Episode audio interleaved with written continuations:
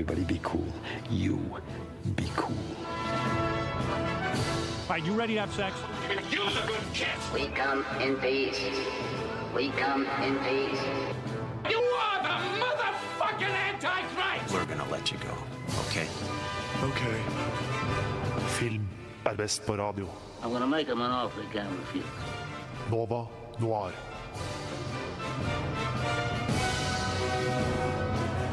Hallo, hallo, og velkommen til dagens sending her på Radio Nova. Det er som vanlig Nova Noir fra 10 til 12.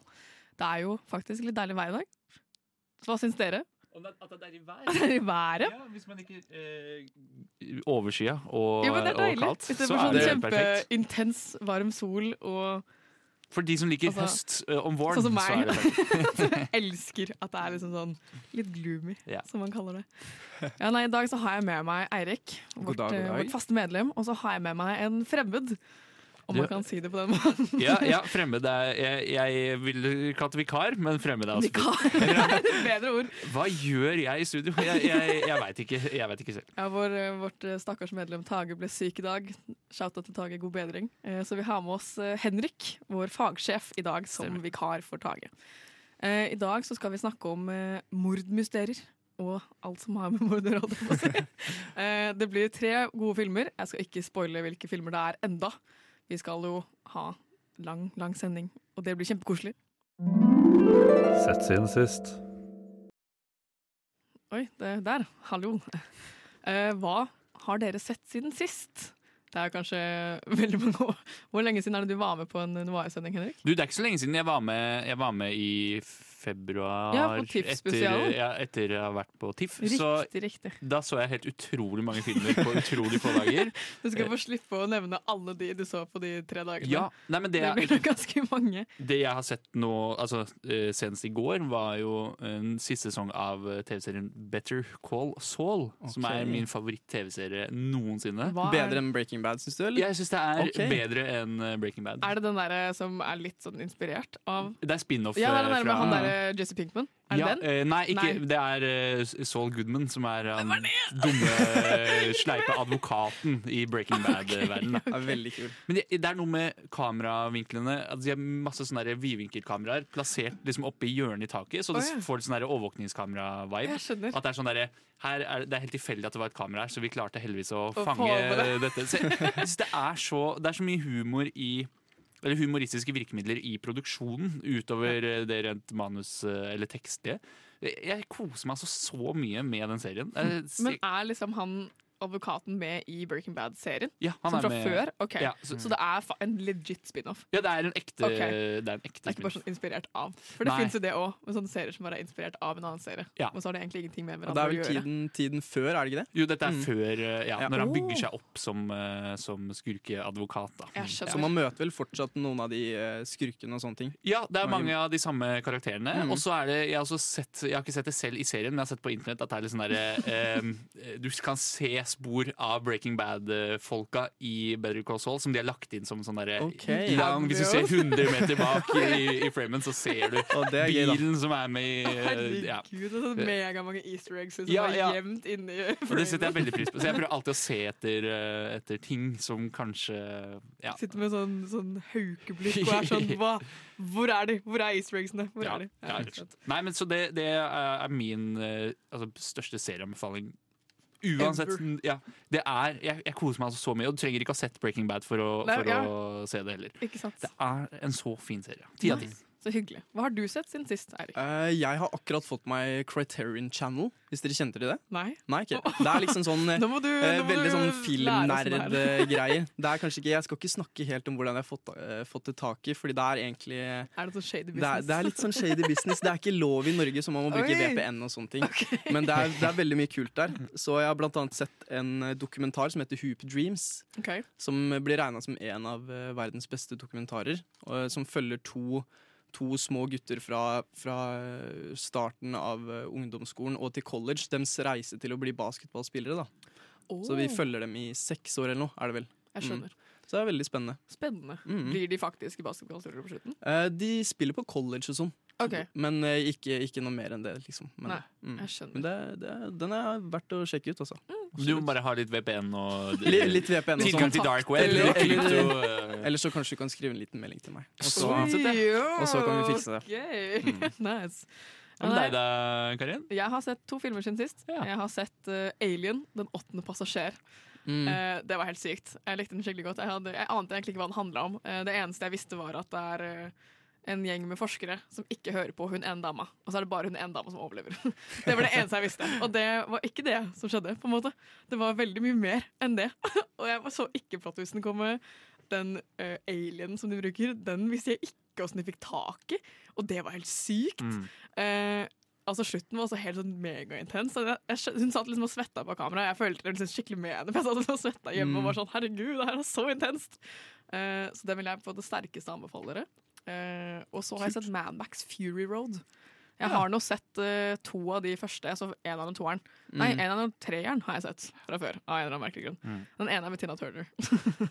by, by the way. Den filmen ble laget for å promotere hennes nyeste album. Er, det, er det helt På ekte, liksom. Ja, de.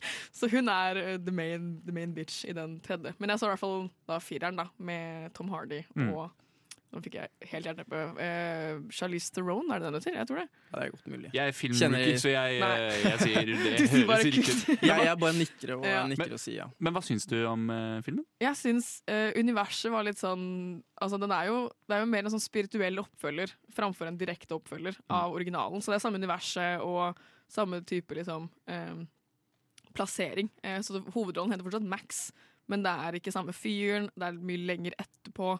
Eh, jeg syns det sitadellet som han var i og var fanga i, var litt sånn eh, det var litt teit. Mm. Og han som var lederen av det området, han var skikkelig teit.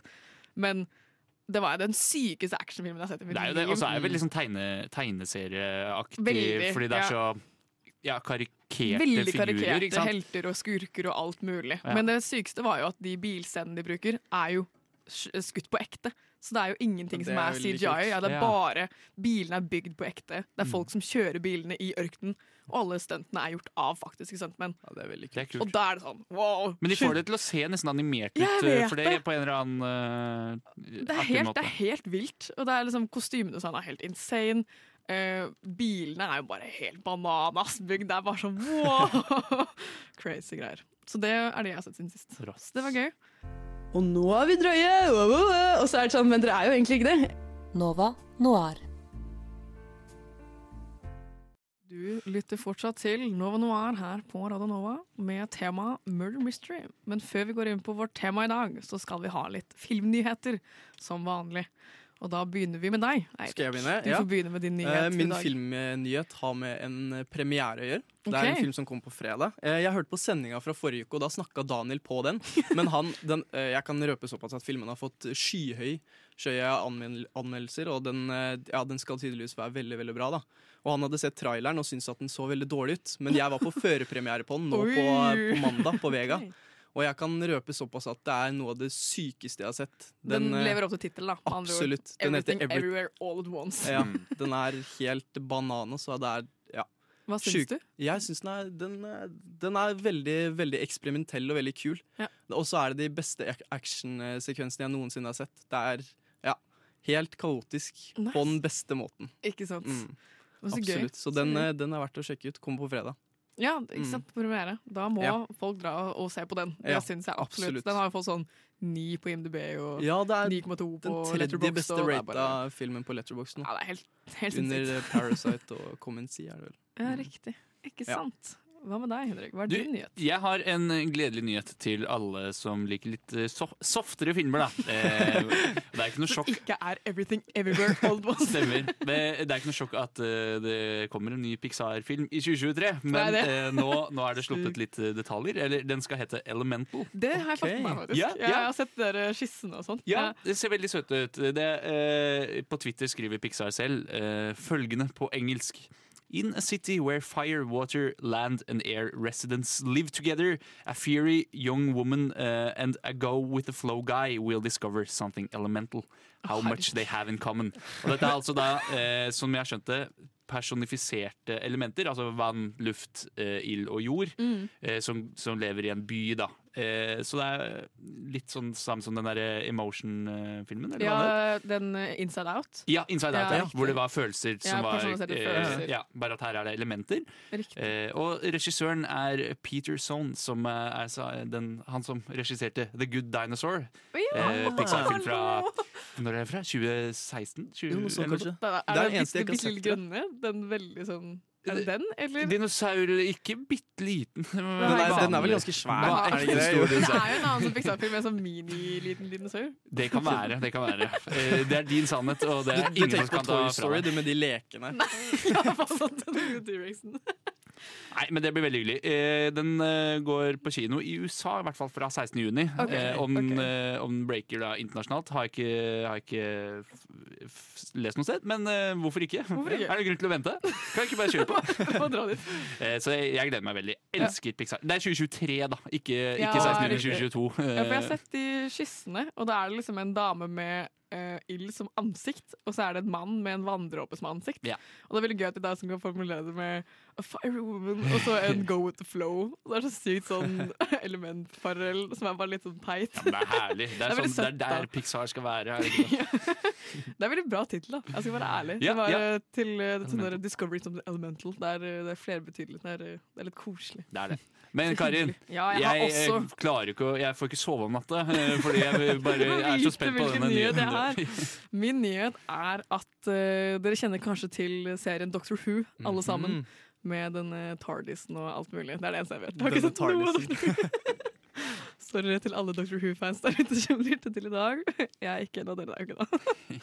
Nei, det er, eh, som dere vet, så bytter de jo ut denne Doctor Who med eh, skuespillere. Så det er som den tolvte doktoren og eh, alt mulig. Som jeg tror han var Matt Smith og sånn. Ja. Eh, så det er som en ny eh, per generasjon, eller hva det skal være. Eh, Men det er jo de- samme karakter, da. så Det er samme like karakteren, det er Doctor Dr. Who hver eneste gang. gammel. Ja, ja, ja. den, eh, Det er rare greier. Eh, og sist gang de byttet, så byttet de til, en, til den første damen de har hatt, som da het Jodie Whittaker, i 2017. Eh, og nå har de gått den mer progressive ruta og eh, fått Nkuti Gatwa, han som var med i Sex Education, til å bli den nye Dr. Who. Okay. Og det blir jo da den første svarte som har vært eh, Dr. Who. Og det syns jeg er veldig veldig bra. Ja. At de går den ruta i stedet for å gå tilbake igjen til da en hvit Mm. mann. synes det er bra at de da velger å heller uh, vet ikke, åpne Det er jo ikke en Hvorfor skal han være, eller hun, være én? Eller hen. Mm. Eller hen være en spesifikk person. Eller sånn utseendemessig. Det er jo bare en fiksjonell person. Mm. Så det kan jo være hvem som helst. Det blir jo det samme med um, I Percy Jackson så skal det jo Hun ene Annabelle Jeg vet ikke om Nei, jo. Annabelle? Annabeth? Whatever. Hun er jo beskrevet med blondt hår og blå øyne i boka. Men der er det også en svart som skal spille henne. Og jeg okay. syns det er kjempebra. For det, Ja, ja, ja. hvorfor skal det ha noe å si? Veldig bra at de går den veien. Mm. Ja. Så det var min filmnyhet. Litt progressivt. Kjempebra. Jeg liker den veien vi går Ja, i film. det er noe med tiden vi lever i. Det bør også gjenspeile seg i underholdningen og politikken, for den saks skyld. Helt Eh, enig. Bra jobba. Helt enig.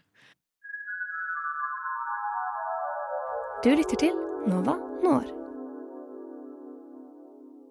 Ja, dere. Da har vi kommet til et tema for dagens sending, og det er murder mystery-filmer. Oh. Oh my god. Og jeg har jo ikke sagt hvilke filmer vi skal snakke om, eh, men de vi skal snakke om, er Trommevirvel.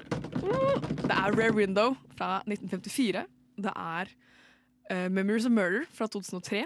Og så er det Prisoners fra 2013. For en bredde, i hvert fall i, i tid. Ja, det er veldig bredde. Ikke sjanger. eh, Sjangeren er uh, en ja, nei, det er eh, faktisk eh, Hva var det, 60 år mellom første og siste? Jo, det er det er ganske det. Mm. bredt spenn. Um, det blir gøy, for det, vi skal snakke litt om utvikling og om filmene og om hva vi føler og litt diverse rundt temaet. Men det jeg tenker å spørre dere om, mine kjære kollegaer i dag Hvis jeg sier ordet, eller eh, ordene mordmysteriet eller murder mystery, hva tenker dere da? Hva forbinder dere med det? Jeg tenker eh, Poirot eh, med en gang. Han franske. Ja, han- I hvert fall belgisk. I hvert fall Han er belgisk. belgisk. Eh, det er jo på en måte Altså Det er noe med bare den derre koloritten som er litt sånn derre sånn blasse farger. Mhm. eh, hele den sånn teite, teite mord som det er altfor lang tid å utforske. Man sitter bare og grubler. Ja, sånn, jeg vet ikke helt hvem Ja. det er, og hva, hvordan har de fått til det her? Er det noen ledetråder? Ja, det er masse, men vi klarer ikke å finne mm. det er. Hmm. Og så tar det liksom to timer. Men eh, eh, filmen Seven også er, ja. er det som kommer eh, til, til mitt hode, da. Ja. Ja, som, eh, Det er hvor det er mange drap, eh, og man fatter ikke hvem som står bak. Det er umulig å forstå! Helt til siste scene. Ja, sånn siste tre minutter gjerne. Ja, ja. Da får du finne ut hvem det er. Ja. Ja, den Seven er ganske syk. Den, Den er det. veldig body horror, men veldig bra. Veldig bra, veldig fin film. Jeg Altså. syns det er et bra konsept Mm. for uh, et mordmysterium. Det liker jeg Absolutt. veldig godt. Hva med deg, Erik? Hva tenker du på? Jo, det kan jo være så mangt. Men det, det som kom i hodet mitt først i stad, var Cluedo, det brettspillet.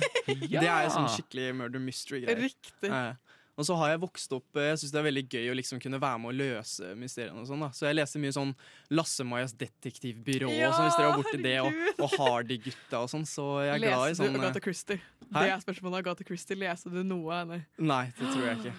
Og du sier at du er glad i å løse Men, det. men Lasse Majas detektivbyrå, det får jeg, det får jeg bra nok. Jeg skjønner. Mm. Ja, men jeg hadde faktisk det, ikke Cluedo, men jeg hadde en sånn rip-off-versjon okay. som het sånn Mysterie, eller okay. eh, eh, Eller bare sånn mord. Jeg husker ikke. Mm. Men det handler også om at man skal finne diverse mordvåpen, uh, soverom, eller hvilket rom det var gjort i, og Mm. hvem som gjorde det. Basert på liksom litt sånn eh, For du skulle gå rundt og løfte opp en brikke med et tall, og så fikk du en instruksjon på hva du skulle gjøre. Mm. Og så skulle du prøve å liksom pusle sammen hvem som hadde gjort det, og hva de brukte, og hvor det var. og sånn Men det var sånn mega-rip-off av Cluedo, så jeg har aldri spilt Cluedo originalen. Nei, ikke enda. Ikke enda. Mm. Det er det. Det Ja, nei. Det jeg forbinder med mordmysterier, er disse true crime-dokumentarene og podkastene som alle hører på for tiden. Yeah. For det er jo akkurat samme greia om at du får, du får det i veldig sånn kortformat. Med sånn Det ble funnet en dame eh, brutalt voldtatt og lemlestet og i en rønne, og nå skal vi Og hun hadde ingen venner og ingen familie. Men vi fant ut hvem det var. Lytt videre. Liksom, Ja, den men først er det reklame for regnskapsprogrammet Fiken. Eller sånn uh, NordVPN noe sånt. Det er alltid det jeg forbinder med det. Og så sånne bøker der du kan kjøpe, og så skal du rive ut alle sidene. Og sette dem i riktig rekkefølge. Så du skal basically være Det finnes sånne bøker. Det er helt sykt. Det er, sånn, det er basically uh, Cluedo, bare i bokversjon. Så du får en bok med da masse uh, hint og uh, intervjuer og sånn, og bilder, og så skal du prøve å da sette dem i riktig rekkefølge. Så du klarer å finne ut hvem det er, men de røper det ikke i løpet av boka. Du må bare klare å gjette det med de karakterene du har fått presentert. Så du må sitte og rive det ut og henge det på veggen og lage sånn full sånn det er sånn typisk med sånne røde tråder og sånn Ja, mellom. Du må lage det selv i hørt den boka. Er det, er det lagd for barn, liksom, eller er det Jeg tror det er lovlig å komme og, og kjøpe en bok etterpå? Jeg tror du kan gå og kjøpe okay. boka. Jeg tror ikke de kassa er sånn du må legge deg, og så er det maks 13 år for å kjøpe den, liksom. Ja, nei, det, det har jeg lyst til å prøve, egentlig. Men jeg føler også at jeg, jeg hadde blitt gæren. Jeg hadde bare gått så lei så fort og blitt sånn Herregud, nå må jeg slutte med det her. Jeg kommer ikke til å finne det ut. Og så hadde jeg også blitt så irritert hvis jeg ikke hadde funnet det ut. Så jeg måtte bare Jeg vet ikke. Jeg tror ikke jeg Akkurat sånn er det å se på mysteriefilm. Ja, men Hmm. da får du i hvert fall svar, da. Ikke- Eller, ikke ikke alltid, Nei, ikke alltid. Ikke alltid. Vi har et eksempel Eller- på det, faktisk. Skal ikke si noe. Ikke noe. Et mystisk uh, eksempel. Et mys Mystisk. Ja, det var så gøy. Da har vi litt forskjellige mm, knagger å henge ting på. Nova Noir! Nova Noir. Uh,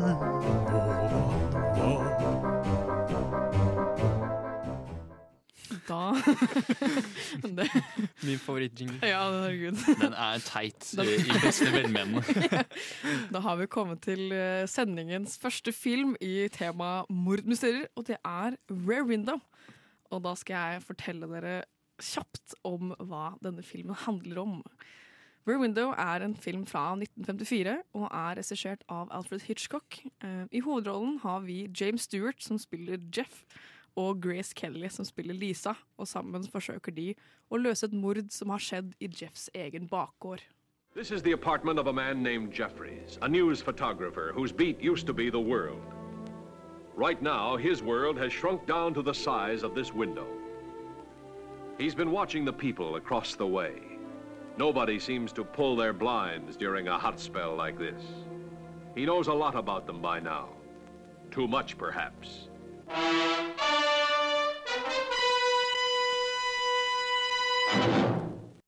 Der fikk dere høre en liten trailer fra filmen. Det som er veldig gøy å klippe trailere fra 50-tallet, er det et helt annet format enn det vi har nå. Mm. Så når jeg så den, så har det egentlig bare rød liksom hele handlingen på to og et halvt minutt. Så den vart to, nesten tre minutter. Og det er hele handlingen på de tre minuttene. Eh, så det, som dere fikk høre, så handler dette om Jeffries, eller Jeff, som er en eh, nyhetsreporter som har eh, på beklagelig vis brukket beinet. Og så blir han da eh, eh, låst til sin egen leilighet, der han ikke får gjort noe som helst annet enn å sitte og se ut av vinduet sitt til bakgården. Derav da tittelen Rare Window. Um, Der sitter han og observerer disse naboene sine, da, som driver med litt forskjellig. Det er et uh, turteldupar som driver og er stormforelska, og så er det en, en enslig dame som er veldig mislykket i, i kjærligheten, og så er det en komponist som aldri klarer å få seg en jobb og venner, og sitter bare og spiller den samme melodien om og om igjen. Og så er det da et ektepar med en eh, mann som er selger, og en dame som er veldig mye syk. Eh, og mens da Jeffrey sitter og observerer eh, ut i bakgården, så skjer det noe skummelt. Oi, oi, oi. Oi, oi, oi. Så det er det denne filmen handler om, da. Hva tenkte du om den, Erik, da du så den? Jeg syns den, den er veldig kul. Mhm. jeg, det liksom, du følger perspektivet til eh, James Stewart i hovedrollen. Jeg husker ikke hva han heter. Jo, Jeffries, Mm. ja. Mm. Eh, man følger liksom perspektivet hans hele tiden, så det han ser, ser du. Mm. Og så er du på en måte med på å løse gåta, da, så jeg syns det er veldig smart gjort. Mm. Og veldig kult at, eh, at det ikke alltid er eh, At de liksom forteller deg hva som skjer, men at Hitchcock er veldig flink til å vise med bilder Ja. hva som foregår. Blant annet i starten av filmen så blir jo hele introdusert bare med det at du ser bakgården, og så ser du gipsen på foten hans, og så ser du et ødelagt kamera, og så bilder på veggen fra liksom sånn eh, actionfotografier fra, fra bil, billøp og sånne ting. Da. Så da Mm. skjønner du liksom hele settinga med en gang. Mm. Så er du på en måte med på, på å løse det. Så Ja. jeg syns den er veldig kul. Ja, for det er ikke sånn direkte sånn Han har tryna over Ja, beinet fordi han er fot- fotograf. Du får Mm. liksom alt bare vist i bilder, så må du bare Ja. finne det ut sjæl. Mm. Og det er veldig deilig at han har tillit til det publikummet sitt. Ja. At han ikke må overforklare det for oss, Mm. eller han veit at vi klarer å pushe det sammen på egen hånd, og ikke bare Du må ikke bli liksom fora med Ja, ja, ikke alt som skjer. Og det er veldig deilig. Mm. Eh, hva tenkte du? Du har kanskje ikke sett den? du? Nei, jeg har ikke gjort uh, hjemmeleksa mi. Jeg har ikke sett noen av filmene vi skal snakke om i dag. Som er et godt premiss for å være med i, i, i Nova Noir-sending. Men eh, er, er, det en, er det en skummel film? Er den ekkel på noen som helst måte? det, den er vel ikke noe blod. Men, ikke så er det sånn koselig eh, murder mystery? Det er, er mer en sånn brettspillkveld-type murder mystery framfor en sånn veldig voldelig, Mm. Skummel, sinna eh, Selv om det er brutale greier, men det blir ikke vist, på en måte. Nei, det, Kan jo, eller man kan jo røpe såpass at, at han ja, nå har den eh, vært ute i 70 år. Ja, Det er, det er en eh, Ikke sant? Da må det være lov å spoile Ja, litt. Men det er jo en, en mann som, som dreper kona si. Ikke er det er han salgsmannen som Mm. har en veldig syk kone. Ja, sånn sett. Ja. Så skulle du uansett, da. Eh, nei, ikke nødvendigvis. De var ganske unge, Ja. eh, men hun var bare veldig mye syk. Mm. Eh, veldig Forkjøla, mye, ja, veldig mye sengeliggende. Ja, ok. Og jeg tror han syntes det var litt vanskelig å da skulle passe på henne hele tiden.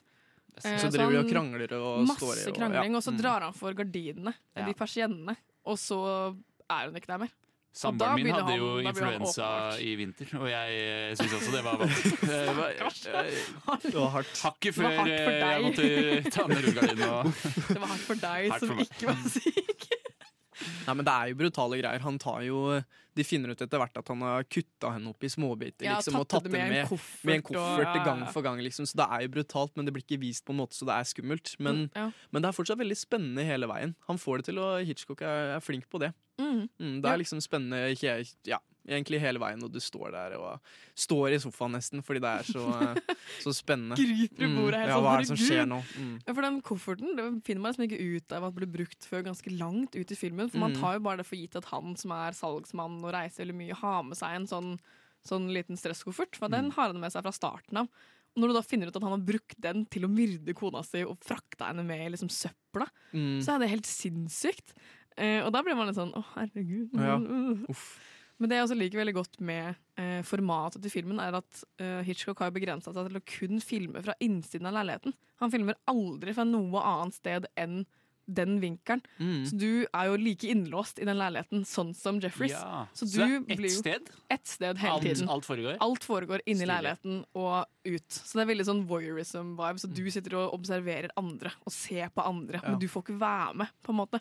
Så det da prøver å løse et mordmysterium når du er innelåst i en leilighet, Mm. du som ser og hovedkarakteren, så blir det jo Det er veldig klaustrofobisk til tider. Mm. Ja. Men det gjør det jo bare enda mer spennende, for du har like lite mulighet til å hjelpe sånn som Jeffreys. Mm. Og det er veldig gøy at du blir satt i akkurat samme posisjonen som hovedrollen. Ja, ja, så det er imponerende at det på en måte er 1 time og 50 minutter med, på én location hele tiden, og så Mm. er det veldig spennende for det òg. Mm. Det er han flink på, han, eh, han Hitchcock. Ja, han der veit er hva han han- driver med. der er han god, Eller han visste hva han drev med. Men hadde dere sett filmen hvis det ikke hadde vært uh, hjemlekse til denne sendingen? Jeg så den på skolen. Du så på skolen, ja, ja Så jeg hadde den som pensum eh, på, okay. på skolen i fjor. Ja, Eh, så jeg, eh, vi så den til, til det. Eh, og da skrev jeg en liten sånn Hva heter det? Sånn reflection note. Ja, ikke sant.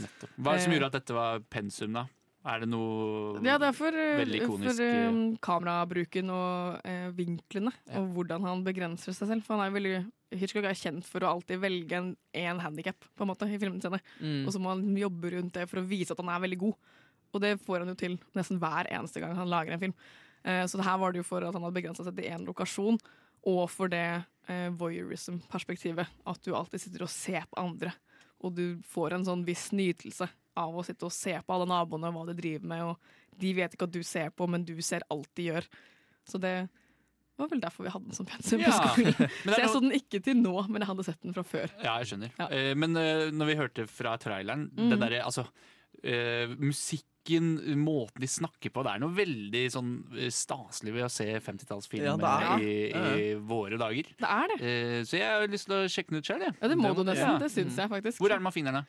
Eh, hvor var det du Jeg lånte den på DVD på Deichman. DVD, ja, nettopp. Mm. Ikke sant? Ja. Ellers må du inn på dark web, som du Ja. på, uh... Da er det, vet- da er det ja. Mm. Jeg vet faktisk ikke hvor man får tak i den her. Jeg tror Du kan jo leie den på Blockbuster og, og på YouTube og sånn. regner Ja, ikke sant. Mm. Så den, den ligger jo ute. Det er jo en, eh, en veldig kjent film. Men vil dere ha en, en trivia om selve filmrullen? Ja. Den okay. ble skadet ganske Altså på 60-tallet så, så ble den Eller da var den ganske slitt. Jeg skjønner. Eh, Så de var redd for at originalen eh, skulle bli ødelagt. Oh, ja. Men eh, de klarte heldigvis å redde den. Ja. Eksperter kom og fiksa opp eh, sånn at fargene ble eh, korrigert. Da. Ja, ja, for det har jeg Så da kan vi puste på. lettet ut alle eh, Åh, sammen. Deilig. Mm, ja. Det vil jeg faktisk snakke litt om senere.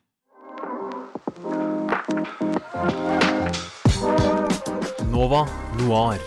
Film på radio. Hver torsdag 10-12 eller i din podkast-app når som helst.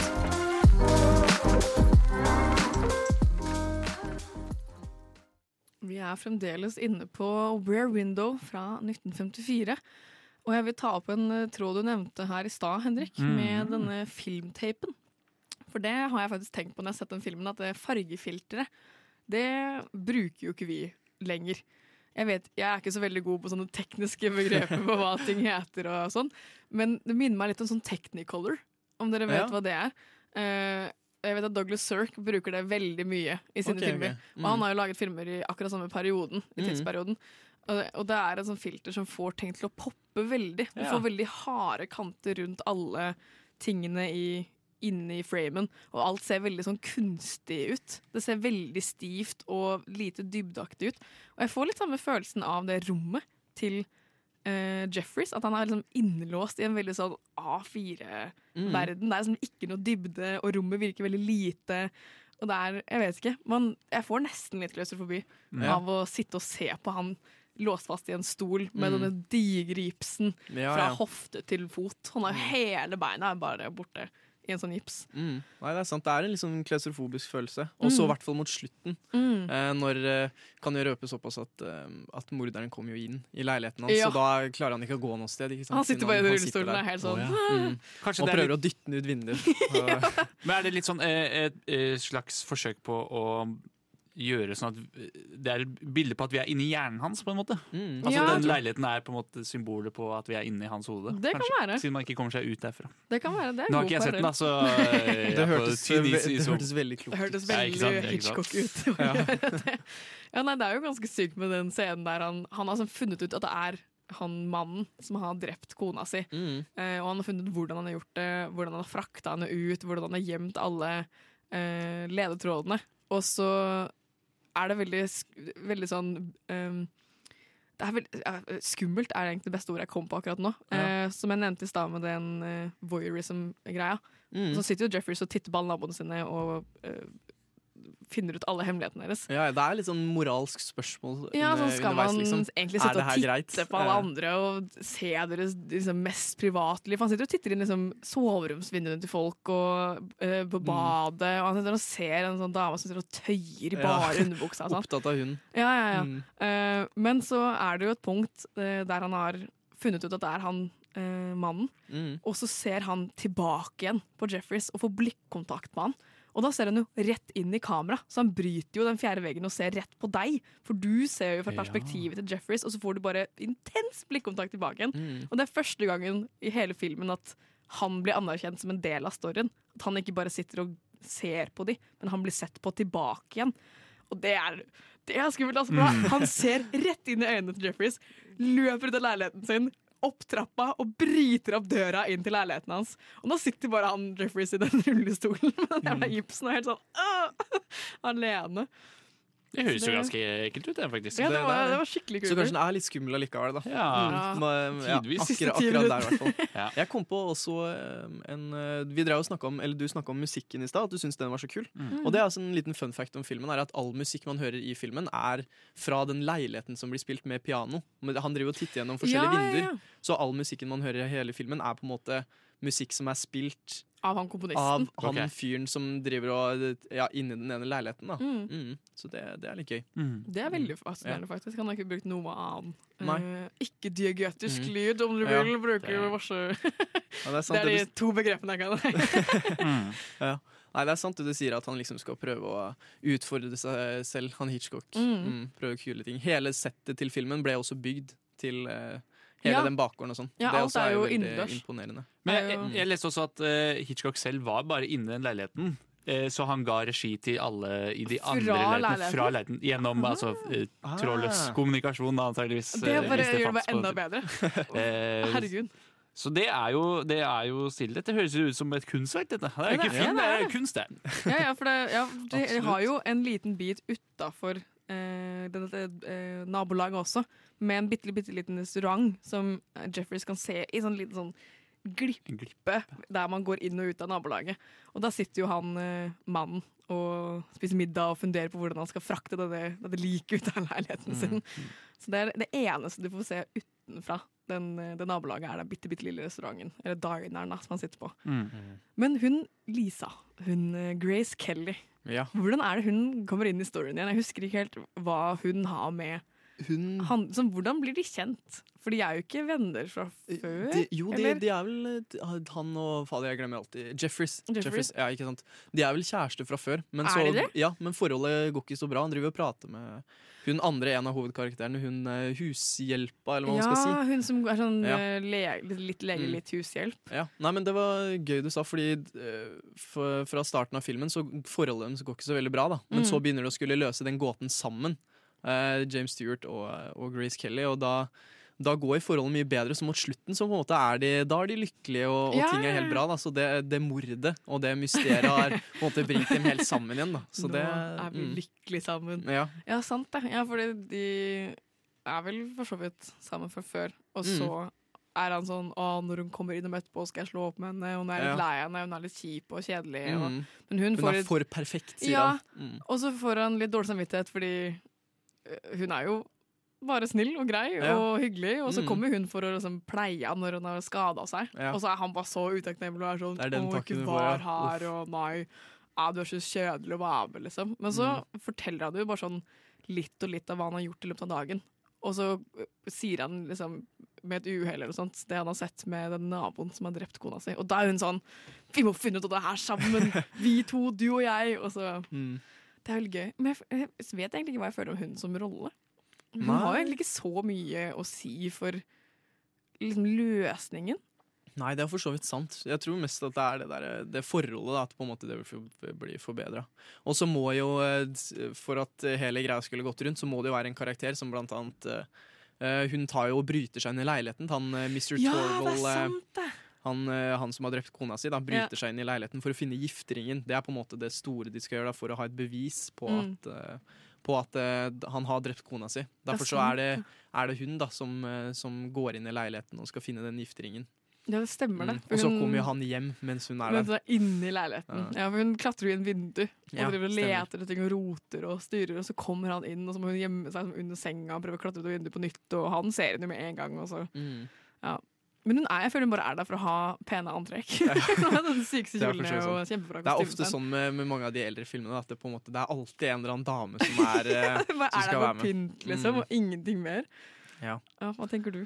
Ja, altså, jeg, pass. Eh, Men eh, jeg syns jo Jeg tenker at dere har solgt inn denne filmen så utrolig bra. Det er, Ja, men det er bra. det er jo bra jobba. Det er jo en gammel film som, er det. eh, som kan være sikkert vanskelig å kjenne seg litt igjen i, da, handlingsmessig, og eh, hva man forventa på 50-tallet. Mm. Eh, jeg tenker eh, at eh, jeg- dette kommer jeg til å se? Ja, Ja, bra. 100 Det må du gjøre. Ja, er- Eh, litt synd at dama bare er det til pynt, da. Det er, Ja, det er jo- støtt litt sånn kvinnesyn Ja. på den tiden. Også. Det er hun som finner beviset da, på at det er han som har myrda Mm, kona si med den nettopp. ringen, men det er liksom det. Er liksom det. Ja. det tar ja, jeg halvannen time. Film, mm, den filmen her så har hun en funksjon, liksom. Men det var kanskje vanlig med andre filmer da, at det er på en måte ja, mest Ja. i pynt, eh, kanskje. Mm. Det er Ellers, sant. men akkurat her så føler jeg egentlig at eh, hun har en ganske stor eh, betydning og funksjon i filmen. Mm. Ja, men Mm. Skal dere se den, dere som lytter til, så er det viktig å merke seg at den er fra 54. Så det er jo en helt annen måte å filme og klippe og eh, Mm. si replikker.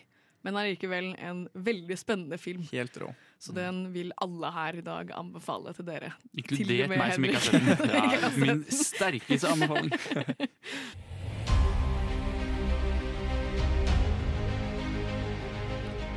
En radio.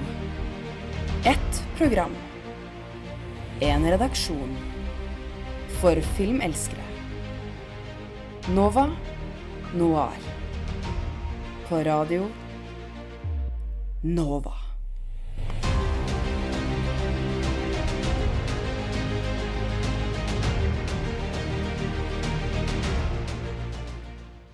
Du lytter fortsatt til Radio Nova, og det er programmet Nova Noir som vanlig, og med tema Murder Mystery. Mm. Og vi er over på sendingens andre film i dag. Ja, Veldig episk uh, jingle, som Ja, passer bra til en veldig episk film som vi skal snakke om Det nå. var akkurat det. Jeg har, Ja. Det her er planlagt. Ja, ikke sant?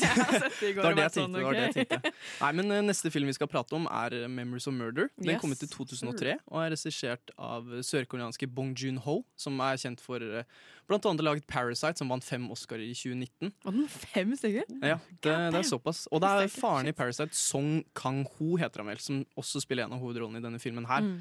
Uh, ja, og Filmen er basert på ekte hendelser i Korea på slutten av 1980-tallet. Hvor landets første ordentlige seriemorder eh, gikk løs. da. Ja. Så I en liten landsby på bygda i Sør-Korea er det en mystisk mann som eh, begår masse brutale voldtekter og mord. Og Da blir det da, da satt tre veldig ulike detektiver eh, sammen for å løse denne gåta. da. Og Fra der så starter et veldig spennende og også overraskende morsom reise for å prøve å finne, finne denne morderen. Og to ting dere kanskje ikke visste om filmen, er at det er en av favorittfilmene til Quentin Tarantino. Oi. faktisk, Og at det er overraskende mange flykicks i filmen. Det er det! Jeg Det er det. på det! Vet du hvor mange? Altså, Jeg, jeg, det jeg hadde planer om å telle, men så, så glemte jeg det litt da. Men det er, det er sikkert eh, 15-20 stykker, Ja, vil jeg det tro. er- Altså. Det er, det er Men mange. før det så får dere høre en trailer. Den er på koreansk, eh, bare så dere vet det, men det går fint. 이 수사밥도 먹는 거고 내가 다른 건 몰라도 이 사람 보는 눈은 있다는 거 알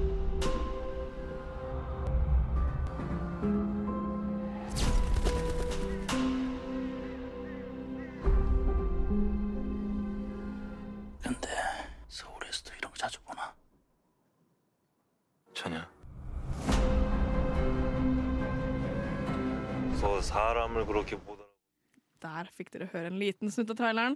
Litt tekniske problemer der fra min side, det beklager jeg, men det Men nå skjønner jeg alt hva denne filmen handler om. Ja, det Den, spo den spoila jo alt, Ja. den traileren. Jeg lærte eh, koreansk gjennom å se The Squid Game, så det er ingen, ikke noe problem. Ja, nei, det den traileren eh, forteller, da, er i hvert fall eh, disse eh, voldtektene og eh, mord, mordene, er det det man sier? Ja. Ja. Eh, og så får du se litt bilder eh, og så får du se denne sammensetningen av detektiver, og så er det det, egentlig. Det er en Ja. veldig grei trailer. Mm. Problemet er bare at den er på koreansk, så vi skjønner ikke dritt av hva de sier. Eh, men ja. Ja, dette er jo jeg kan, Dette er en av mine favorittfilmer, Mm. egentlig. Jeg er veldig glad i, i Bong Joon-ho. Mm. Så ja, nei, jeg syns den her er dødsbra, hvis, Mm. jeg, hvis jeg skal si det mildt. Det er såpass. Ja, det Ja, syns jeg. Så jeg er egentlig veldig spent på å høre hva, hva hvert fall du, Karin, syns. Og, og eh, hva, hva Henrik syns når, han er, når du har sett den. Fordi denne, denne her må du se. Det, jeg håper at du får lyst til å se den etter Ja, vi får se hvor gode dere er til å Mm. selge inn denne. Ja.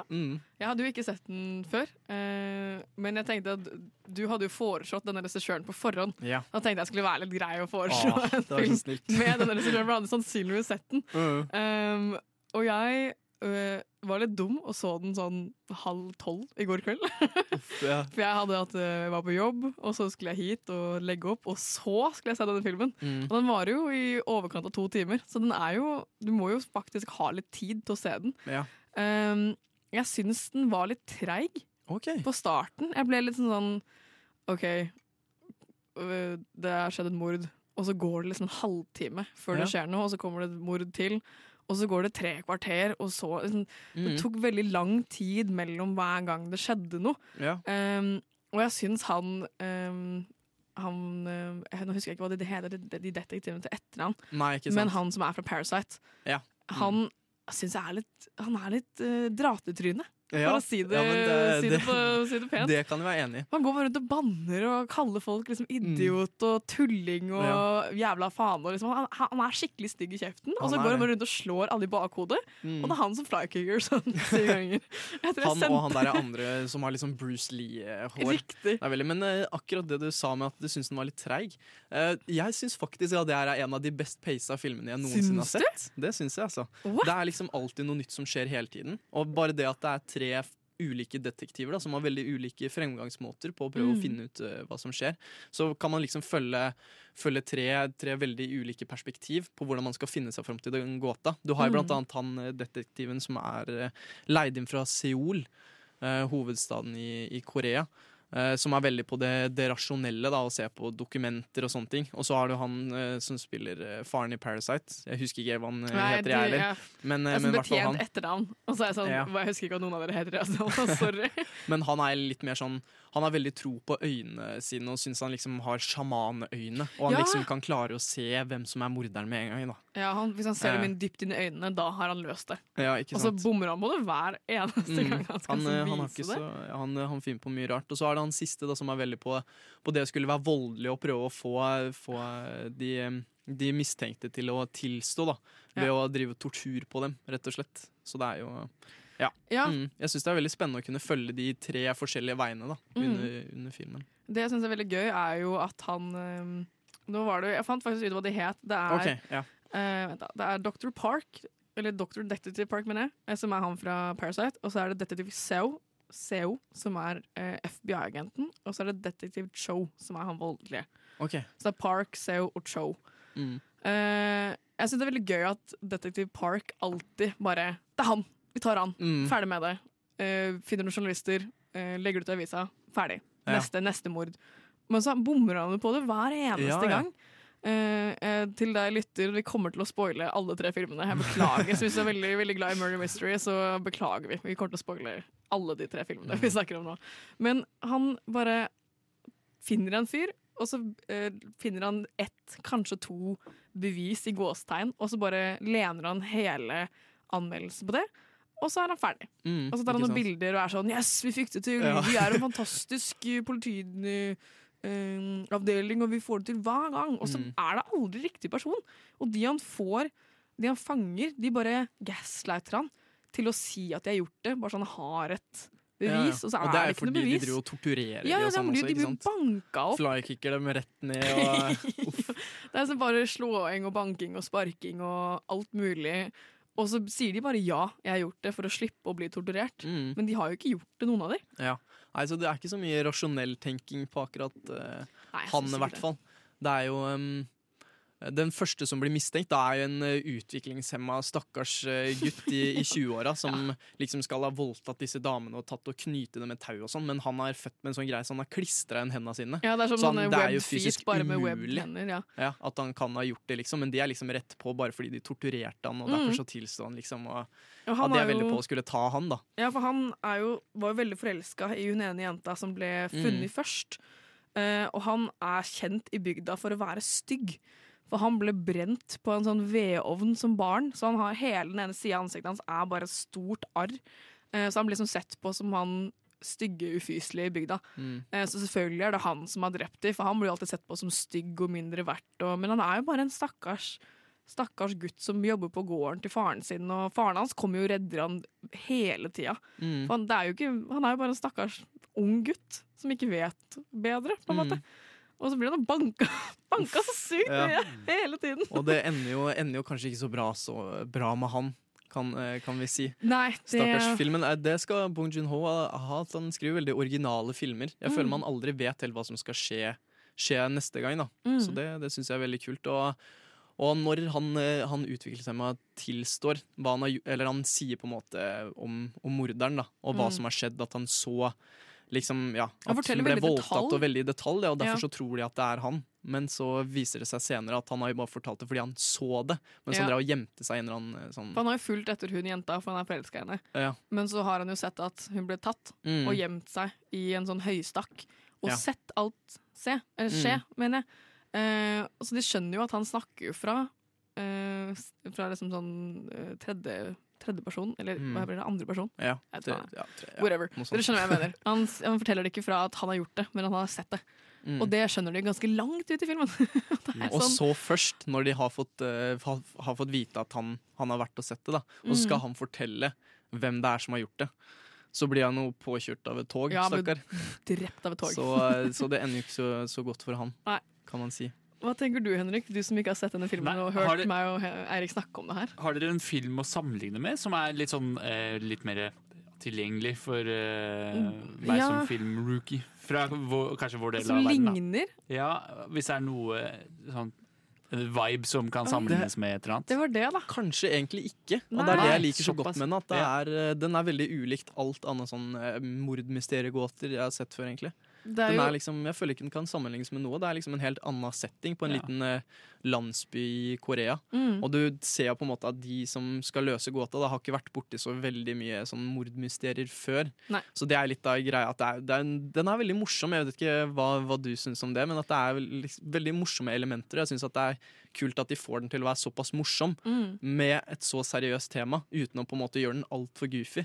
Ja, for jeg syns ikke den var sånn superseriøs, og, og de har voldtatt disse damene. Mm. Og liksom, Selv om det er jo kjempebrutalt, det, det, er som skjer. Brutale drap. Der de, har, de har blitt voldtatt alle sammen. Eh, eh, hendene deres har blitt knøttet bak ryggen deres med strømpene deres. De har blitt kvalt med væskereimer. De har fått trusa si dratt over huet som en sånn lue. Og så er alle eh, vaginaen sin stappet med frukt Mm, eh, sånn, og andre gjenstander.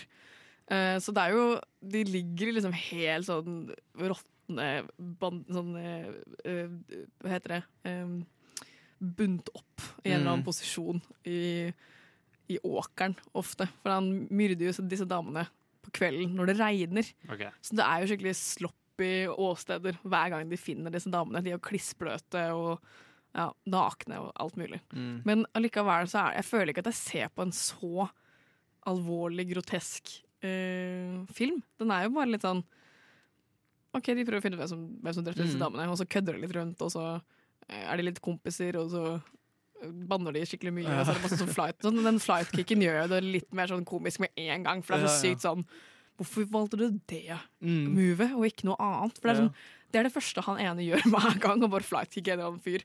Og det første gang det skjedde, det skjer innen de første ti minuttene. Ja. Jeg tror jeg sendte en snap og var sånn Hva var det her? Hvor kom det her fra, liksom? Og det er Altså, ikke første gang, nei. at Det er ikke første, nei. Det Mm. kommer veldig mange flere. Ja. Mm. Men da. Ja, men det høres jo veldig spennende ut. da Jeg ser man kan eh, leie den på Viaplay. så Ja, det- du kan også se den på Filmoteket Ja, for, dere, for dere nerds sånn som meg, som har uh, Deichman-medlemskap på Ja. nett. Den er, den er gratis der. Den er gratis der. Det høres jo mye bedre ut enn å betale 49 eh, kroner for å leie den Da døgn. vil jeg heller sette den på Filmoteket, for da har du 50 timer på deg til å se Ja, den. det er noe Ja, sånt. Og sånn den er gratis. Ja. Og så har du tre lån til på en måned. Så litt reklame for Filmoteket der.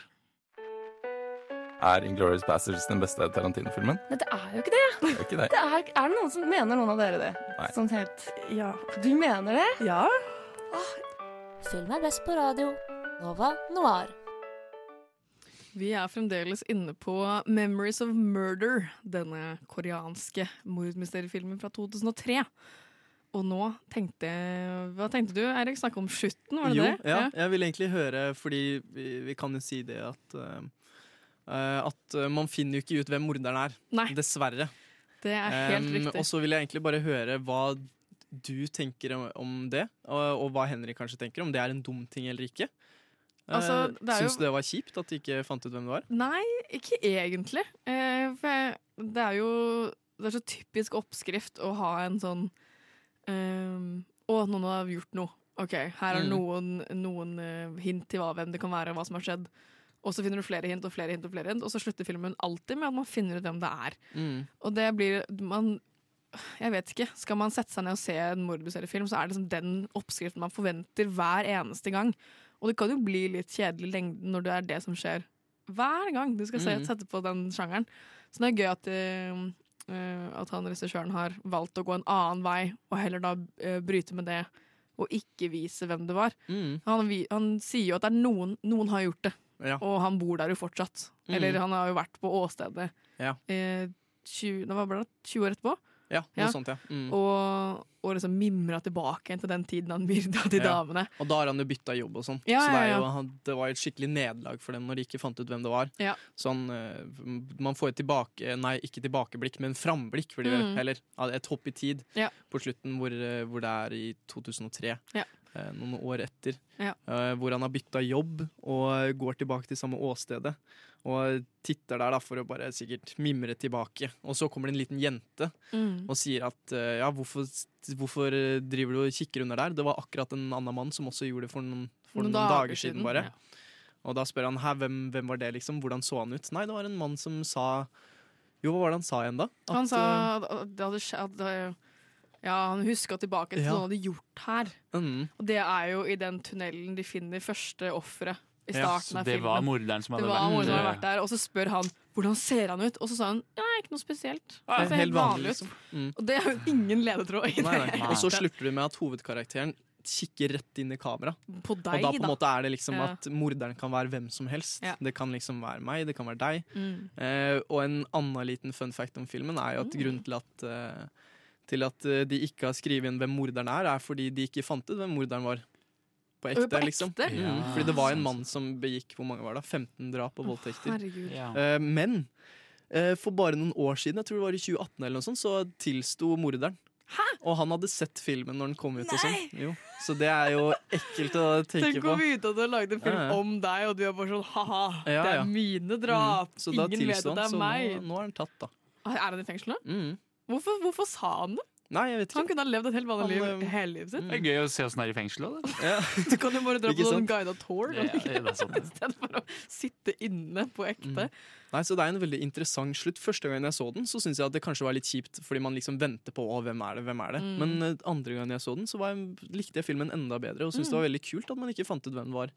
Og liksom se det nederlaget fra at de er veldig gira på å finne hvem det er, da, og så finner de ut på slutten da, at det er jo ikke han de, De trodde, det var. Fordi det gikk ikke opp i opp med en sånn DNA-test de hadde tatt, og da var Mm. på en måte alt håpløst. Og, og det var Ja, de har tapt da, rett og slett. Men, men føler man at man eh, kom, kan skjønne, kan tenke seg til hvem det er, eller er det så utilgjengelig at det er sånn Nei, ja, men det er helt nett, De er Egentlig. så nære Ja. hele tiden. mm. Og så klarer de aldri å finne den siste brikka som skal liksom løse hele. Så de har tre-fire alternativer Mm. som de veksler mellom.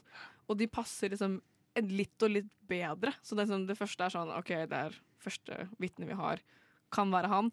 Og neste de finner, har liksom enda ting som passer. Eh, enda flere ting som passer. Og han siste han har bare liksom nesten alt utenom DNA som passer. Ja, Så det er det eneste de mangler. Eh, men det jeg syns er veldig gøy med han, eh, han FBI-agenten som blir leid inn fra Seoul, han han får liksom litt trekk fra de andre eh, detektivene Mm. etter hvert. Ja. Så han kommer liksom inn som en sånn veldig sånn Jeg stoler bare på dokumenter, offisielle papirer. Og så plutselig så begynner han å bli Han må ta hvem som helst som alternativ, og så begynner han å banke de han tar. Ja, ja. Så han blir jo Mm. litt sånn Han blir veldig påvirka av den bygda han er i, og Ja. det han jobber med. Og så Veldig blir han, desperat etter ja, han blir Mm. nesten like ille som de to andre. Ja, ja. Selv om På slutten slutten så prøver han å drepe, Ja, han drepe står og han som han trodde står det og truer med en pistol og er sånn 'Det er deg! Jeg vet det er deg!' Og står liksom og fyrer av da mot han fyren. Og så Mm. er det jo ikke han. Han er bare så desperat og helt ja, Mm. fortapt, egentlig. Rett og slett. Sånn er det. Hva tenker Sånn du. Henrik? Du som ikke har sett Min, den min tanke heller. går til Poirot. Det er en film hvor han eh, ikke klarer å løse mysteriet. Er det det? Eh, Ja. ja. Sykt. Eh, og Løser ikke han alt? Jo, bortsett fra det ene. Og så er det selvfølgelig eh, eh, mordet på Orientekspressen, hvor, eh. Alle er morderne. Altså litt sånn samme okay. Men, men det, eh, det, er, det er en digresjon, eller det er noe annet. Eh, jeg tenker det er, det, kan, det er litt sånn tveget sverd. Eh, Noen ganger syns jeg det er litt sånn barnslig at man får servert morderen sånn siste, siste minuttet, liksom. Mm. Så, la, er meg, veldig- la meg bare leve litt i den derre Det er en veldig enkel løsning. Bare 'nå er jeg ferdig'. ja, ja. Her må den ha det. Men, eh, men eh, ja, det er fint hvis man kan eh, holde på den tankerekka, prøve å løse det selv i sitt eget Mm. hode. Da. Men da Mm. må det være nok informasjon tilgjengelig til at man kan liksom nøste opp noen tråder selv, Mm. og, og klare å peke ut en potensiell morder. Mm. Eh, så for meg så gjenstår det bare å se filmen, da. Ja. det det. Fikk du- lyst til å se den, da? Ja, absolutt. Absolutt. Mm. Det, jeg syns nok en gang at dere er flinke til å selge Ja, så film. bra, så bra. Eh, og dette er jo noe helt annet enn den eh, forrige vi snakket Ja, det er det. er, ja. Veldig mottatt Kan ikke Ja. sammenlignes. Utenom at det er mordmysteriet. Ja, det er Nettopp. det. Det er vel det eneste, nesten, som eh, mm. Noe jeg også, eh, siste ting jeg liker om den filmen, er også fargebruken. Den er mm. veldig lite eh, Hva skal jeg si dekorativ. Den er veldig sånn Det er mye grå, brun, Mm. kjipe farger. Mm. Uh, den er veldig sånn grå beige. Ja. Utenom de røde kostymene som de bruker på de stakkars jentene som Ja. blir drept. Yeah. For uh, de finner ut at de jentene blir drept uh, på kvelden, dager det regner. Eh, de går ofte alene, eller alltid alene, mener jeg, og har på seg et rødt plagg.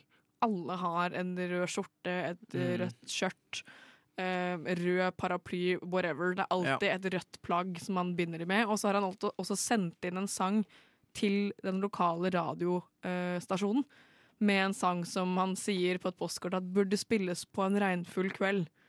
Og så spiller han sangen, Mm. og så går han og myrder noen. Det er en ordentlig psykopat. Ja, skikkelig veldig Mm. sånn gjennomtenkt og har sine rutiner. Ja. Men det er liksom det eneste, den eneste fargen du egentlig får se, er rød. Mm. Ellers er alt veldig sånn grått og kjedelig og Men beige. allikevel og- så, så Den ser er- den veldig pen ut. Ja, den er ikke tam, Mm. det er ikke det. Den er bare Men det passer veldig godt, ja. Ja, det- det, på en det er, det er jo veldig veldig. grått og, og brutale mord, liksom. Mm. Det skal ikke være så veldig fiffig da. Nei. Mm. Så den røde fargen den popper veldig på Ja. skjermen. Når du først ser den, så er det sånn wow, herregud, liksom. Farger, endelig. Ja, så Ja. det, den er, det er veldig, veldig gøy. Så Um, en av dine favorittfilmer gjennom eh, tiden? si. Ja, det Og, si. eh, Altså. hvordan rater du den, Karin? jeg tror jeg kommer til å gi den sånn seks av ti. Ja, ja, Ok, Ja, ja. Ikke, ikke bedre. Nei. For meg, eh, jeg hadde gitt den en. Ni av ti? Men så ga jeg den ti av ti nå etter jeg så den, eh, så den igjen. Da var jeg bare sånn wow. Det er liksom. noe, noe av det beste jeg har sett, Ja, men faktisk. så nice. Da har Mm. dere lyttere her i dag en sterk anbefaling fra Eirik. Absolutt. Alle tre, og så kommer Edmund og bare What the fuck? Har du sett Parasite? Ja. Har du sett Parasite? Du vet når du gjør den der, den der kanskje? sin? Å, shit, shit. Uh, Nova Noir.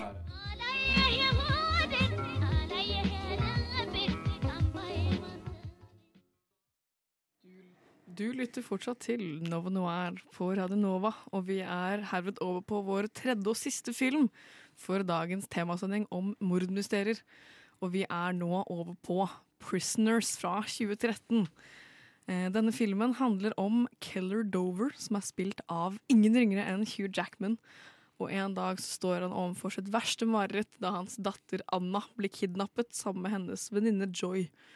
Eh, sammen med detektiv Loki, som er spilt av Jake Gyllenhaal, så forsøker de to å finne jentene.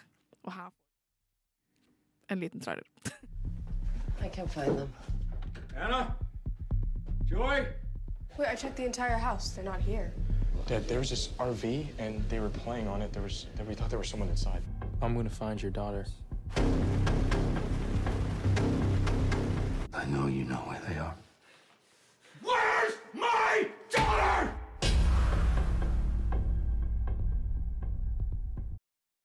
Der hørte dere traileren. Ja. De var faktisk litt spennende. riktig. Jeg har bare masse dødtid på slutten. Det er veldig spennende. Den, den er veldig intens i forhold til Mm. de to siste vi har sett. Så den skiller seg ut i at den er, det er nesten en skrekkfilm. Det er på, det er på kanten til en skrekkfilm. Eh, for eh, Hugh Jackman, som er denne hovedrollen, han er en gammel veteran eh, fra militæret. Så han sliter jo allerede litt med litt PTSD og sånn fra sin, sin utplassering.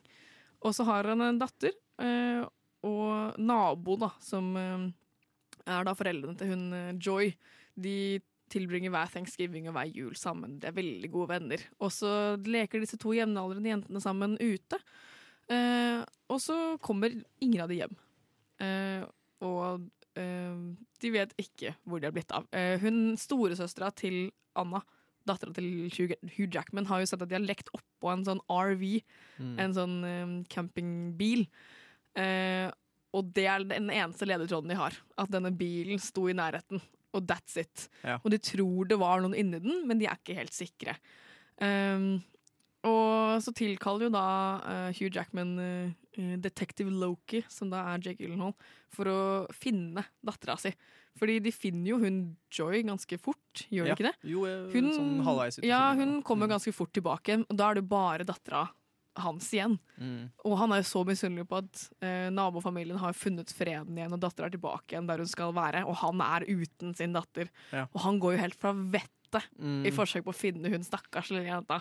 Og han detektiven går også fra vettet, for han, han, har, liksom, han har ingen uoppklarte saker. Han har funnet ut av alt, og han er den beste detektiven de har, og han klarer heller liksom ikke å finne ut av det. Mm. Og det tar forever å finne ut hvem det er. To timer og 20 minutter. Den er lang. Den er Mm. veldig lang. Men Eh, det er også, jeg tror det er desidert den mest spennende filmen jeg har sett noensinne. Ja, herregud. Den er, den er godt pacet, den, for å si det sånn. Ja, det er liksom, og så er du så redd underveis, fordi du er så redd for hva som har skjedd. Mm. Det er jo brutale greier igjen, og det er liksom Nei, Ja. du, og så finner du ut av ting, og så er det bare sånn Å nei, du har bare lyst til å senke deg ned i sofaen, liksom, fordi det er liksom så Ja. Uff. Det er så fælt å tenke på. Du, det er sånn Mm. man hører på, om på i sånne true crime-dokumentarer. Apropos det. Ja. Med sånn derre Jente var funnet uten armer og bein, voldtatt, groteskt, øh, kvært av sin egen underbukse. Et eller annet sånt sykt. Det er Ja. nesten på, den, på det punktet den filmen her er. Jeg har en gledelig nyhet, og det er at eh, jeg har faktisk sett denne filmen. Ja, jeg har det. Jeg, har det. Jeg kjenner meg veldig igjen i det dere sier. Ja, så bra, så bra. Eh, kjempe sånn ja, faen, man har så sinnssykt lyst til at det skal komme noen vei, og så gjør det jo egentlig ikke det. I det hele tatt. Stagnerer helt sinnssykt. Ja, ja. Eh, Så er det jo en eh, litt sånn gæren åndssvak fyr, som man sa i gamle dager, som Riktig. fort blir et spor, da. Eh, Ja. Som Ja, det går hardt utover han at de prøver å løse dette mysteriet på egen hånd. Ja, det, er det ikke sånn at han, Hugh Jackman øh, kidnapper han tilbake igjen? Jo, og så spikrer han inn i dusjen Ja, i sånn ganske- egen sånn rom, og så sitter han og skåller han med varmt og kaldt vann om hverandre, sånn som han gjorde Ja. Det er sånn torturkammer, Ja, ja. basically. Han Han sitter i sånn mørkt rom. utviklingshemma stakkars gutten. Det er jo det i den filmen her også. Ja, Ja. Han det er jo, det. det er jo spilt av Paul Dano, Riktig. som jeg har veldig sånn der elsker-hat-forhold uh, til. Fordi han er, han er kjempeflink, men han spiller jo bare ekle roller, Han blir sånn dratetryneroller Ja, every time, men så blir han også dratt til i alle Ja, ja, I den filmen her blir han jo torturert han og nesten drept. Det er jo Ja, det er sant. ordentlig ekle greier. Det er det. Men uh, det er, jeg synes Hugh Jackman blir jo nesten like ille som han som har Ja. kidnappet dattera. Mm. Han tyr jo til liksom samme virkemidlene og like mye vold. Mm. Og så det, det er jo veldig sånn eh, Jeg vet ikke, anti-redemption-greie. Han får liksom ikke noe tilbake for å ha gått så langt. Nei, men det er noe si. med, De får fram den der desperasjonen du, altså ved å oppleve noe så grusomt som at Mm. eh, barnet ditt forsvinner, og du, Mm. du vet ikke hva som har skjedd. Mm. Eh, få fram det verste i en person, og han må på en måte hele tiden prøver å gjemme seg fra politiet selv, da, eh, fordi han nettopp har blitt like Ja. ille og Ja. torturerer en kis for å Ja, for da han, prøve å han blir jo anmeldt og ettersøkt, han òg. Mm. Det er ikke bare eh, den originale kidnapperen som blir det. Han må jo også sitte og gjemme seg og Jeg tror nesten er på nippet til å flytte og sånn, bare Ja. for å slippe unna politiet. Mm. Eh, og kona hans er helt sånn Nå må du slappe av, nå har det gått liksom to uker. Vi finner henne på en eller annen måte. Og de har jo to barn i tillegg til hun yngste dattera. Og de blir bare eh, satt helt til side av faren sin. Og de er sånn 'Pappa, nå må du komme hjem og være med oss også', liksom. Vi er Mm. også barna dine, selv om vi ikke er borte. Og han bare klikker helt. Og Ja. bare knuser alle møblene. Helt sånn. Ja, det er helt, helt crazy. Ja. Jeg må også nevne Hugh Jackman er jo Han er, Han er ordentlig rå, god ja. i den filmen her. Han pleier jo alltid å være i alle de der topp 20 acting performance på TikTok og sånn. Det er alltid Hugh scenen. Jackman hvor han er ah, Where's my daughter? Ja, ja, Og så er det han der fra There Will Be Blood. Han er I've abandoned my child. Ja, ja, Men jeg, må, jeg cringer litt når jeg ser på det, men jeg må være ærlig og si at akkurat i den filmen han, han er en av de bedre menn eh, over 50 år, hvite, som skriker eh, jeg Ja, har det er alltid Han det. Veldig... Det er alltid en sånn en liten digresjon, men Ja. det er alltid sånn eh, de, Mine topp ti skuespillerprestasjoner ever, og så er det sånn ni menn som Det er skriker. menn som Og så er det alltid Jack, Jake Gyllenhaal fra Nightcrawler, og han knuser Mm. det speilet. Og så er det Hugh Jackman i bilen i Prisoners, der han er sånn derre Hvor er dattera mi?! Og så smeller han i vinduet og klikker helt, og bare er helt sånn Mm. rabiat. Nei, men han skal ha det. Han er helt, eh, helt rå. Han er veldig flink, det Mm, må jeg ærlig innrømme. Hvem var det som hadde gjort det igjen? Var det han uh, nei, skal Ja, det er Altså, lov å spørre. spoile. spoiler- Det- det vi har er jo allerede gitt Henrik skal få æren av å gjøre I slutten det. av filmen så de finner jo sånn derre En Det er liten grav, hu- ikke ja, sant? det sånn Utenfor hus. huset. Og det er vel moren til denne gærne fyren som viser viser Ja. å være den som er ordentlig gæren. Ja, for hun har også kidnappet han Paul Dano. Er han Ja, også det er kidnappet? egentlig ikke sønnen, nei. Nei, for Det er han er av, eh, også mm. kidnappa, sånn som de andre barna. For hun kidnapper mm. barn for å ha nesten litt sånn tjenere. Ja, det er Men for- hvis de ikke er villige til å være Så blir de kasta i en grav, Ja, eller hva er det for Jeg tror tror grunnen til at hun gjør det, er fordi hun hadde et barn selv som fikk kreft og døde. Og derfor så er hun, hun veldig bitter for at uh, Hun ikke har noen barn. Ja. Ja. Og derfor så har hun blitt helt gæren, da. Så Altså, hun, for eh, Det var jo Paul Dano som kidnappa henne, men det var jo etter ordre fra hun som Ja. kidnappa han igjen. Så grunnen måte. til at han er ikke helt vanlig, er jo fordi han ble også torturert og kidnappa når han var barn. Ja. Så han er jo Ja. Han vet jo ikke hva han driver med, egentlig. Nei. Mm. Men jeg har helt glemt Overlevde hun? Ble hun funnet, eller var hun Anna, hun dattera? Jo, hun blir funnet, ja. Ja, Mm. I live. Ja. Og så er det Hugh Jackman grava. som blir eh, lagt nedi den der Stemmer, ja. grava på slutten med den Mm. fløyta og sånn. Sant det! Mm. Sant En det! liten eh, twist i plottet. Ja, og så blir han satt, lagt der. Ja, for de skyver jo masse ting over den Ja. fliken, så han blir jo faktisk begravd levende. Mm. Og så er det han som er der, Ja. og det er slutten. Mm. Er det det? Å, herregud. Det er det, ja. Det er sjukt. Men det jeg liker veldig godt med filmen, er at du kan være med å løse gåta selv her. Og du har liksom, det, er så, det kan liksom være hvem som helst, så du driver og går frem og tilbake. Hvem er det, hvem er det? Men man kan jo finne ut underveis at det er hun moren, da. Uten å ha sett filmen før, liksom. Så går det an å finne ut av det. Det er veldig kult. Det er Mm. helt sant. Ja. Og vi skal- Du kan legge til Man føler seg veldig smart når man eh, Det- finner disse mm. Det er sant, og vi skal snakke mer om Prisoners.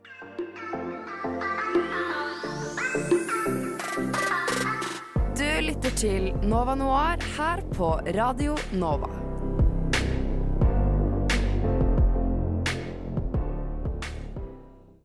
Da er vi fremdeles inne på Prisoners.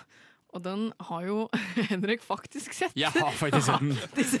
Det, jeg var ikke klar over det før, eh, før dere begynte å snakke om den. Så det sånn, ja, nei, det er ikke så lenge jeg så den. faktisk. Det er sånn, «Å ja, faen, her høres kjent ut. Så jeg er veldig glad sett den. Ja, nice. Hva tenker du om den, da? Siden du faktisk har sett denne filmen i motsetning til de to andre. Ja, eh, nå er det jo Det har blitt eh, noen måneder siden jeg så den. Eh, men, eh, men jeg syns dette var en utrolig spennende og dyster film. Litt sånn er jo litt irriterende når Uh, politiet ikke er til å liksom Du kan ikke regne med at noen finner ut av dette. Mhm. Så må ta saken i, i dine egne hender. Da blir jeg, liksom, da blir jeg rastløs. Som, som seer så uh, blir jeg sånn derre Kom igjen, hvor er systemet? Eh, og det er jo liksom fint at de klarer å vekke den derre At jeg selv blir liksom desperat etter uh, at noen må ta tak her. Det er litt sånn amerikansk greie, føler jeg. Ja. At det er sånn, Politiet er ikke til å stole på i det hele tatt, ever. Ikke engang når du har mista dattera di fordi du har blitt kidnappa. Ja. Mm. Jeg føler ikke at det skjer Kanskje det skjer, nå må jeg ærlig innrømme at jeg leser veldig lite nyheter. Men eh, Kanskje det skjer i Norge, men jeg føler at det er, folk har mye mer tillit til politiet her.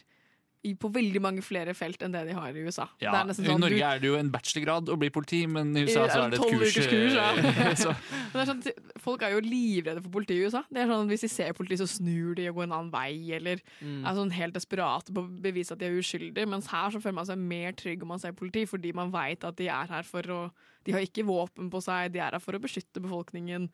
I USA så er det bare sånn trigger-happy folk som bare er sånn ha-ha, jeg har masse makt. Fuck deg, liksom. Fuck det, ja. Nei, men Jeg, jeg syns rollegalleriet er fint, og så er den sånn den passe utroverdig. på en måte Så Det er litt sånn eventyraktig, Mm. som passer fint inn Mm. for sjangeren. Uh, I motsetning til Memories of Murder, som er basert på en ekte Ja. seriemorder. mm. Som faktisk har gjort dette her. Ja. Ja.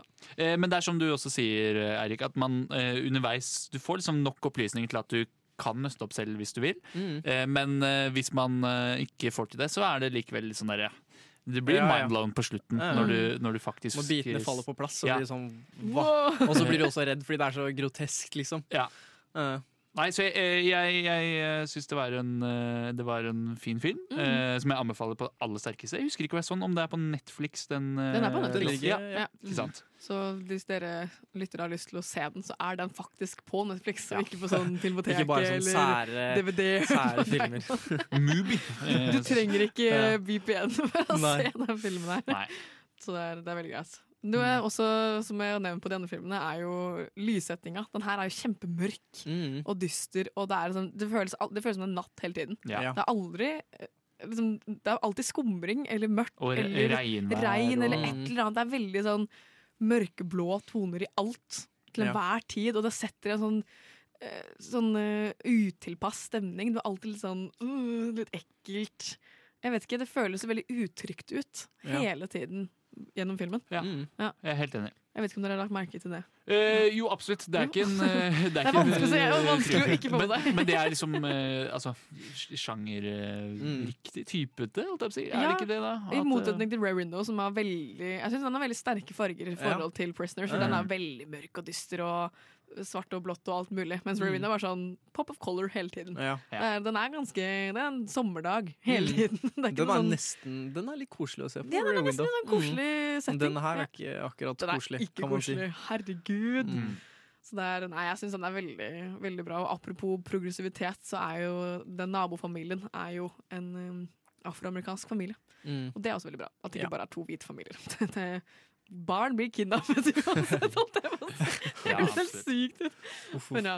Jeg leser at eh, Ryan Gosling eh, var på audition for å spille den rollen som Jake Gyllenhaal. Ah, eh, ja, Ja, jeg, jeg er for så glad for at det ikke ble Gosling, Ja. egentlig. Nei, jeg også tenkte med en gang at det hørtes kanskje ikke helt riktig ut. Nei, jeg, føler, Mm. jeg, føler, jeg forbinder han bare med enten The Notebook eller Blade Runner 2049. Mm. Og jeg føler at Prisoners er liksom ikke hans type rolle. Nei, han er Han mer den lystige La La Land-mannen, han. Ja, ja, det er også Eller mer sånn eh, sier ingenting sci-fi-film-rolle. Ja. sånn Mm. han bare går rundt og har et sånn eh, ansiktsuttrykk, Ja. og som ikke sier så mye. Jeg tror han hadde den sinnen du må ha for å spille Detektiv Loki, som, som Jake Gyllenhaal har, Mm. den tror jeg ikke Ryan Gosling har innabords. Det syns jeg ikke, for jeg syns Jake Gyllenhaal spiller den rollen skikkelig bra. Og den, det sinnet og den desperasjonen og frustrasjonen, ikke minst, med at han ikke klarer å finne ut hvem det er, Mm. den, den får han veldig godt gjennom. Det blir jo samme som Nightcrawler. At han bare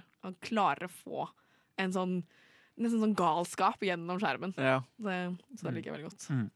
Mm. Men er det en film dere vil anbefale til lytterne våre? Absolutt. Absolutt. Uh, ja. Hva hadde du gitt den, Henrik? Jeg hadde gitt den uh, syv, Syv av ti. Men, uh, men på en måte som ikke betyr at den er kjedelig. Men det er noe med Du må være forberedt på at den er ganske heftig. Den er, eh, det er en eh, veldig spennende film, Ja. og den er ganske grotesk i forhold til de andre filmene vi har anbefalt. Ja. Mm. Den viser ting ganske direkte i forhold til eh, de andre. Det er. Så du får se mye mer eh, av eh, i hvert fall den gropa og tortur og blod og gørr. Og det er veldig mye mer av det. Jeg, jeg syns det aller verste er den der skåldninga med varmt vann. Ja, Eh, der det er ikke så grafisk, men det er bare sånn Du, du Ja. Han, du hører han lide. Det er helt sinnssykt. Jeg må se hva jeg har gitt den her. Jeg må bare finne fram min, eh, Jeg tror jeg, Nå føles det ut som at jeg gir ti av ti til alle filmene. Jeg tror faktisk jeg ga den her ti av ti Du jeg sånn, du er veldig glad i mordmysterier. Ja, ja, egentlig. Egentlig. Jeg føler alle filmene i dag Jeg, jeg tror Rewindow Window ga jeg ni av ti også, Ja, liksom. du er en det er liksom mord Ja, elsker å løse gåter og sånn, vet du. Jeg ga den faktisk akkurat samme som deg, Henrik. Jeg ga den syv av ti? Ja, ja. Eh, jeg vet ikke helt, jeg husker ikke helt hvorfor jeg så den for et par år siden. Ja. Uh, og jeg tror egentlig mest fordi jeg så den aleine. Ja. Og det var ganske dumt. Ja. Å se den seint på kvelden aleine. Den er ikke, hvis du er litt uh, skjør for sånne, sånne tematikker, og sånn, så er ikke det liksom, den mest ideelle filmen å Mm. velge. Men den er fortsatt veldig bra, og Ja. vi vil alle tre anbefale den til dere lyttere. My mama always said, Nova Noir was like a box of chocolates. You never know what you're gonna get. Og med det så har dere fått høre dagens sending om ingen eh, ringere enn eh, mordmysterier. Og har dere hatt det koselig, Henrik Eiling? Jeg har hatt det koselig. Jeg har lært, eh, lært om film, Ja, som bra. jeg syns er bra. For jeg kan ikke nok om film til å egentlig være med i et eh, filmprogram. Eh, Men se, her sitter jeg. Du har jo vært en, jeg synes du har vært en kjempe, kjempegod Absolutt. gjest. Ja, det er hyggelig, og vikar for Tage. Prøvd å veldig, veldig bidra med det jeg kunne. Eh, gi litt vann til de i studio, for eksempel. Og gjøre Ja. liksom assistent. Da. Men det er litt gøy at, du, at man har en, eh, hva skal jeg si, eh, en fra utsiden som kommer inn og spør spørsmål som vi ikke hadde tenkt på Mm. selv. Og det er veldig gøy at du da kommer med sånn Hva med det her, eller hva med det her? Og har dere tenkt på det? Det, Det det, det liker det, for da får man litt sånn, eh, eh, sånn prompts til å gå snakke videre. Og Mm. det trenger vi jo alltid. Hva med deg, Eirik? Har du kost deg? Jeg har hatt det veldig bra. Ja, så bra. Man har jo kanskje skjønt at jeg, jeg er veldig glad i, Du i er mordmysteriefilmer. Og jeg, jeg røpte jo så vidt i stad at, eh, at eh, Nå høres det ut som jeg gir alle filmer fem, ja, men jeg har gitt to av de fem, og, eh, fem, fem av fem, altså. Ja. Jeg, jeg går etter Ja, vi er jeg litt, vi ja, er litt Og fire og en eh, halv på, skilt på, IMDb versus letterbox. Ja, ikke sant. Nei, men så, så ja, veldig gøy. Mm, så bra. Veldig glad i, i mordmysterier. Ja, Rett og slett. sånn, vet ikke, jeg har aldri vært med på den der true crime, den, den bølgen der. Jeg syns det var sånn, ja ja, ok, jeg har sett en uh, mordmysteriedokumentar Ja. før, liksom. Men akkurat det med filmer er liksom noe helt annet. For det er jo da satt inn i et univers og med en sånn storyline, eh, kostymer Du har en hel setting, det er ikke bare en sånn eh, dokumentar der det sånn, forteller om noe som har skjedd. Veldig Mm. sånn rett på sak. Mm. Jeg vet ikke, jeg liker den, eh, den, for den, den narrativet du får med en film, da. Mm. Men jeg synes jo også vi skal Vi må nevne liksom mordmysterieserier. Ja, det gjør det bare å gjøre. eh, 24 eh, tenkte jeg altså på når Å, jeg ja. ble spurt om å være med på det, denne, Ah, i denne sendingen. ja. Så, eh, hvor det er på en måte den derre pacingen Mm. eh, med 'nå må vi vi slåss mot klokka og tiden'. Er, er det den serien hvor det liksom er én time på hver episode, eller noe? Og så er det 24 episoder? Eller tar jeg helt feil? Eh, ja, Eller no- jeg tror det. Ja. Eh, kan jeg, er det sånn at du skal prøve å røpe et uh, mord på 24 timer, men du må også være gjennom de 24 timene? Ja, jeg tror det er altså. Ja, lurer på om det Det er er Jeg var er liten da jeg så det, så jeg husker ikke. Ja. Men det, er, det har nok hvis det, noe er, hvis det er én times episoder, og det er 24 av de, Mm. og serien heter tilfeldigvis 24, og Ja. det er et mordmysterium, så høres det det ut som du tror, skal altså. leve gjennom samme pacinga Mm. som de må Ja. på 24 timer. Mm. Det er litt fett, da. Ja, jeg mener å huske at jeg likte det. Og så har vi jo Sherlock, Sherlock som er også er en, det- eh, en klassiker.